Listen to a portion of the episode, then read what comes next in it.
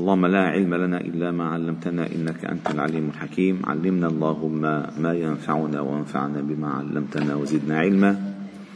واجعلنا ممن يستمعون القول فيتبعون أحسنه.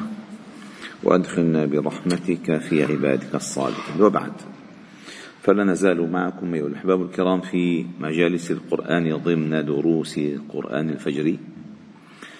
وقد طابت بنا المسيرة في تدبر آيات النفقة والأموال في سورة البقرة.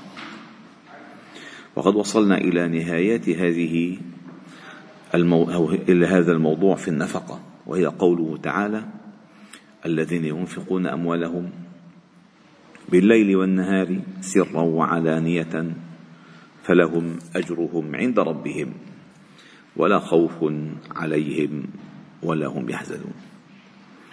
وبعد هذه الوجبة من هذه الآيات في النفقات تأتي الآيات التي تحذر وتبين أعظم وأخطر وأسوأ نوع كسب في العالم وهو الربا. الربا. الذين يأكلون الربا لا يقومون إلا كما يقوم الذي يتخبطه الشيطان من المس. ذلك بأنهم قالوا إنما البيع مثل الربا. وهذه الآيات التي سنتدبرها إن شاء الله تعالى من من الغد إن شاء الله تعالى ستبين خطر هذا هذا النوع من الكسب من الربح الذي هو الربا.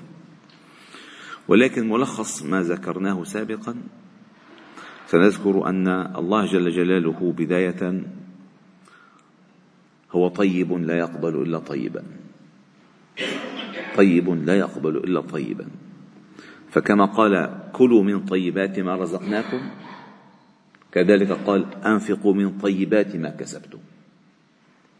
فكما أن الله جل جلاله أراد لكم ألا تدخلوا في بطونكم من الطعام إلا الأطايب من حلال ومن طيب.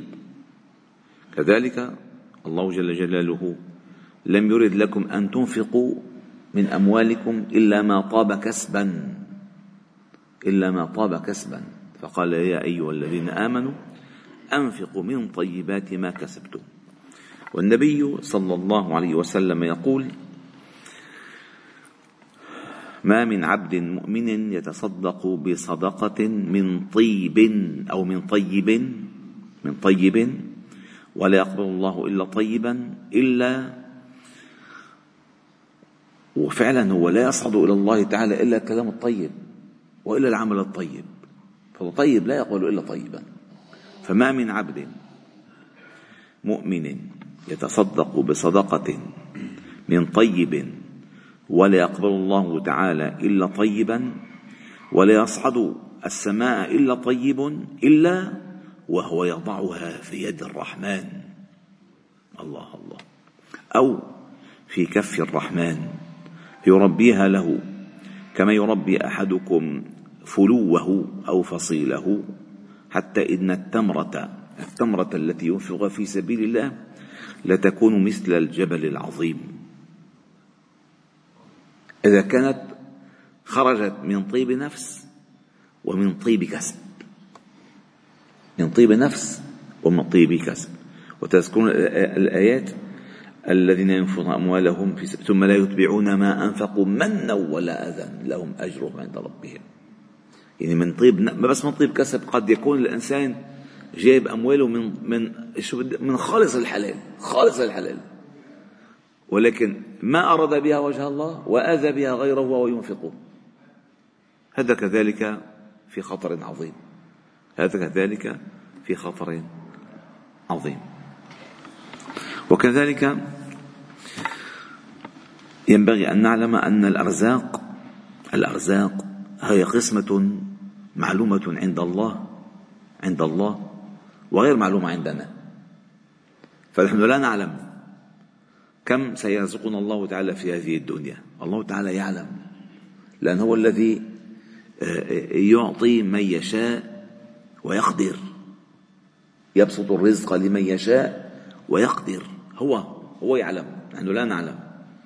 نحن نعلم بعدما تصل الأموال وننفقها نعلم حقيقتها. أما لا نعلم.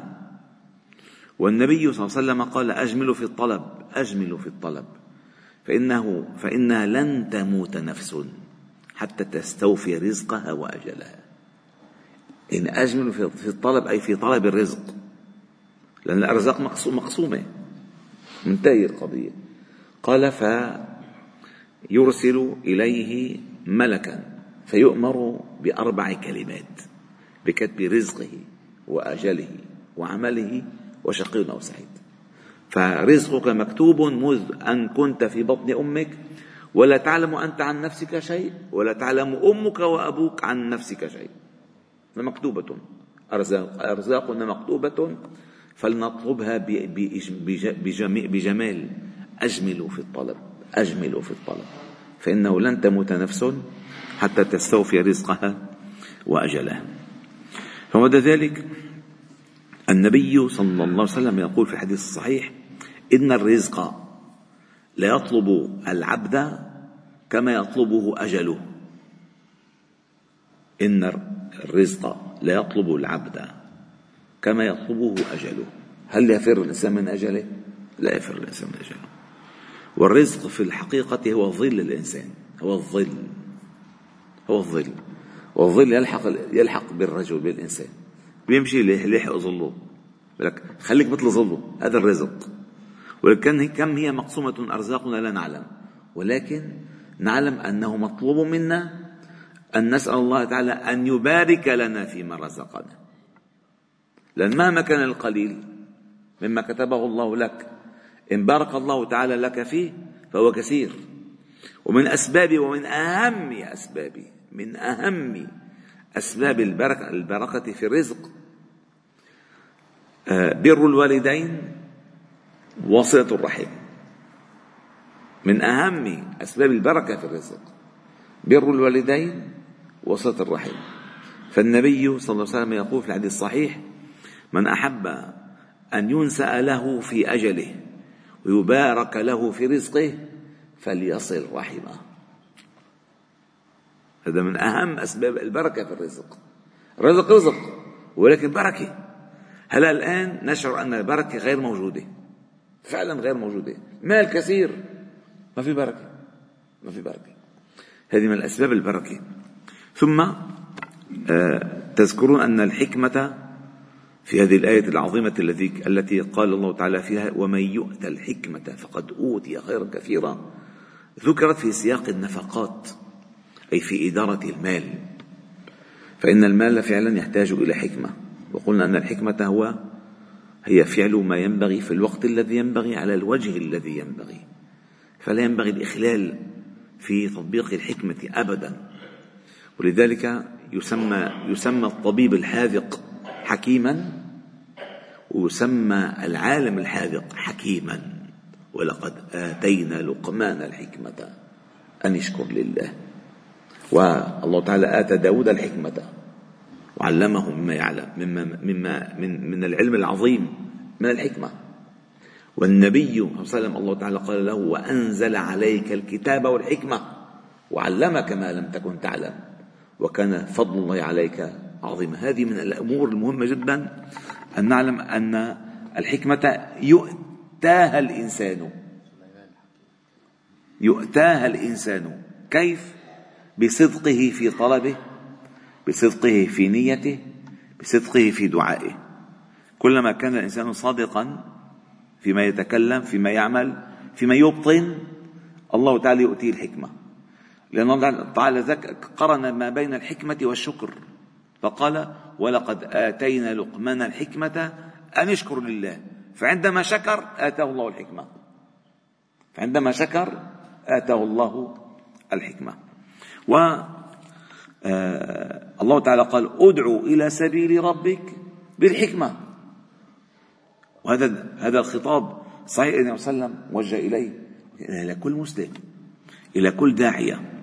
لذلك في كلام ذكره الإمام أبو إسحاق الشاطبي في كتابه الجليل القدر الجليل القدر والذي لا يهتم به كثير من الناس يعني اسمه الموافقات. الموافقات هو تقعيد تقعيد لإعمال الشريعة في المجتمعات. تقعيد هذا الكتاب حقيقته.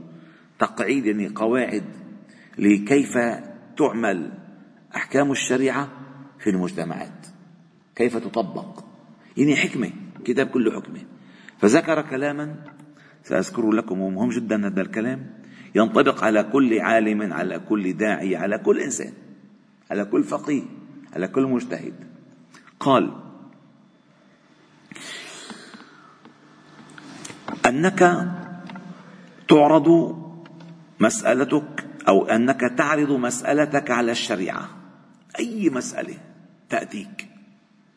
تريد أن تفعل أو أن تتكلم. فإنك تعرض مسألتك على الشريعة.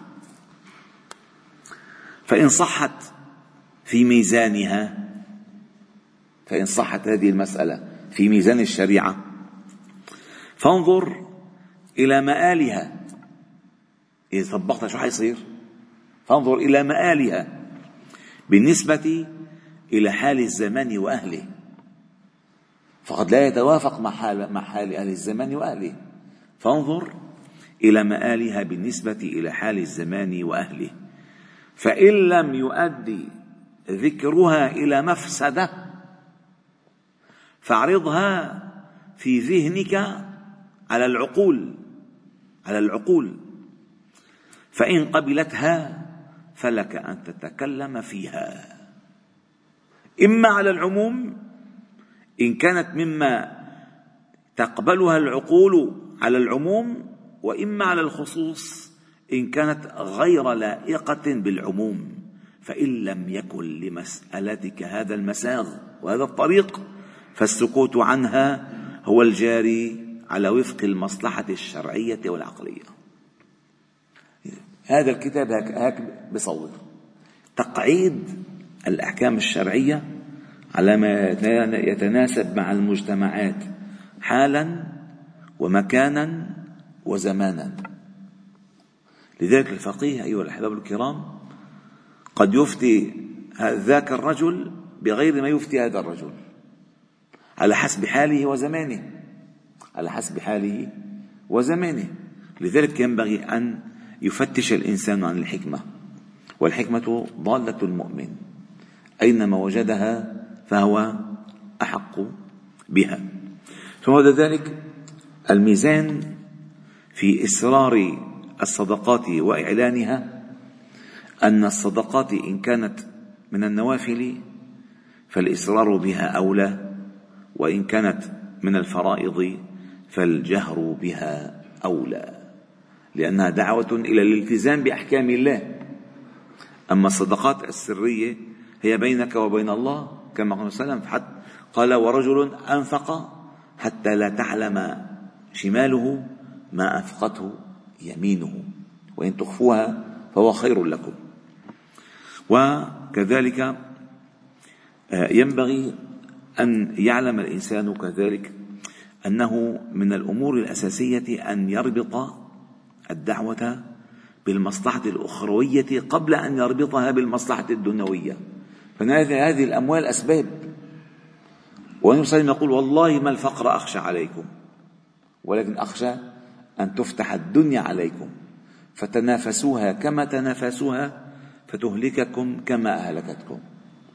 فالدعوة إلى الله تعالى ينبغي أن تجرد من المصالح الدنيوية البحتة. لا يعني أن الدعوة لا تصلح لبناء الدنيا تصلح ولكن لا يكون الهدف منها فقط بناء الدنيا. القصد منها جعل هذه الدنيا بكل ما فيها من مقومات ميدان الوصول إلى الآخرة. لأن الإسلام مشروع أخروي لحسن بناء الدنيا فتبني الدنيا لتحصد, لتحصد فوق تزرع لتحصد فوق. وما تنفق من شيء فإن الله به عليم فوق.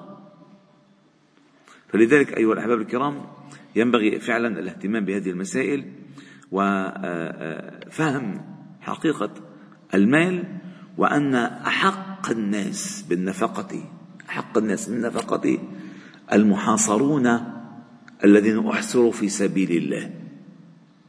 المجاهدون الدعاة العلماء الأئمة المعلمون المشردون المرابطون. هذه النوعية التي أحصرت في سبيل الله. فإن النفقة عليها هو سد ثغر كبير من ثغور الإسلام. والله تعالى أعلم وأحكم. والحمد لله رب العالمين. سبحانه وبحمدك نشهد أن لا إله إلا أنت. نستغفرك ونتوب إليك. صلي وسلم وبارك على محمد وعلى آله وأصحابه أجمعين. الحمد لله رب العالمين.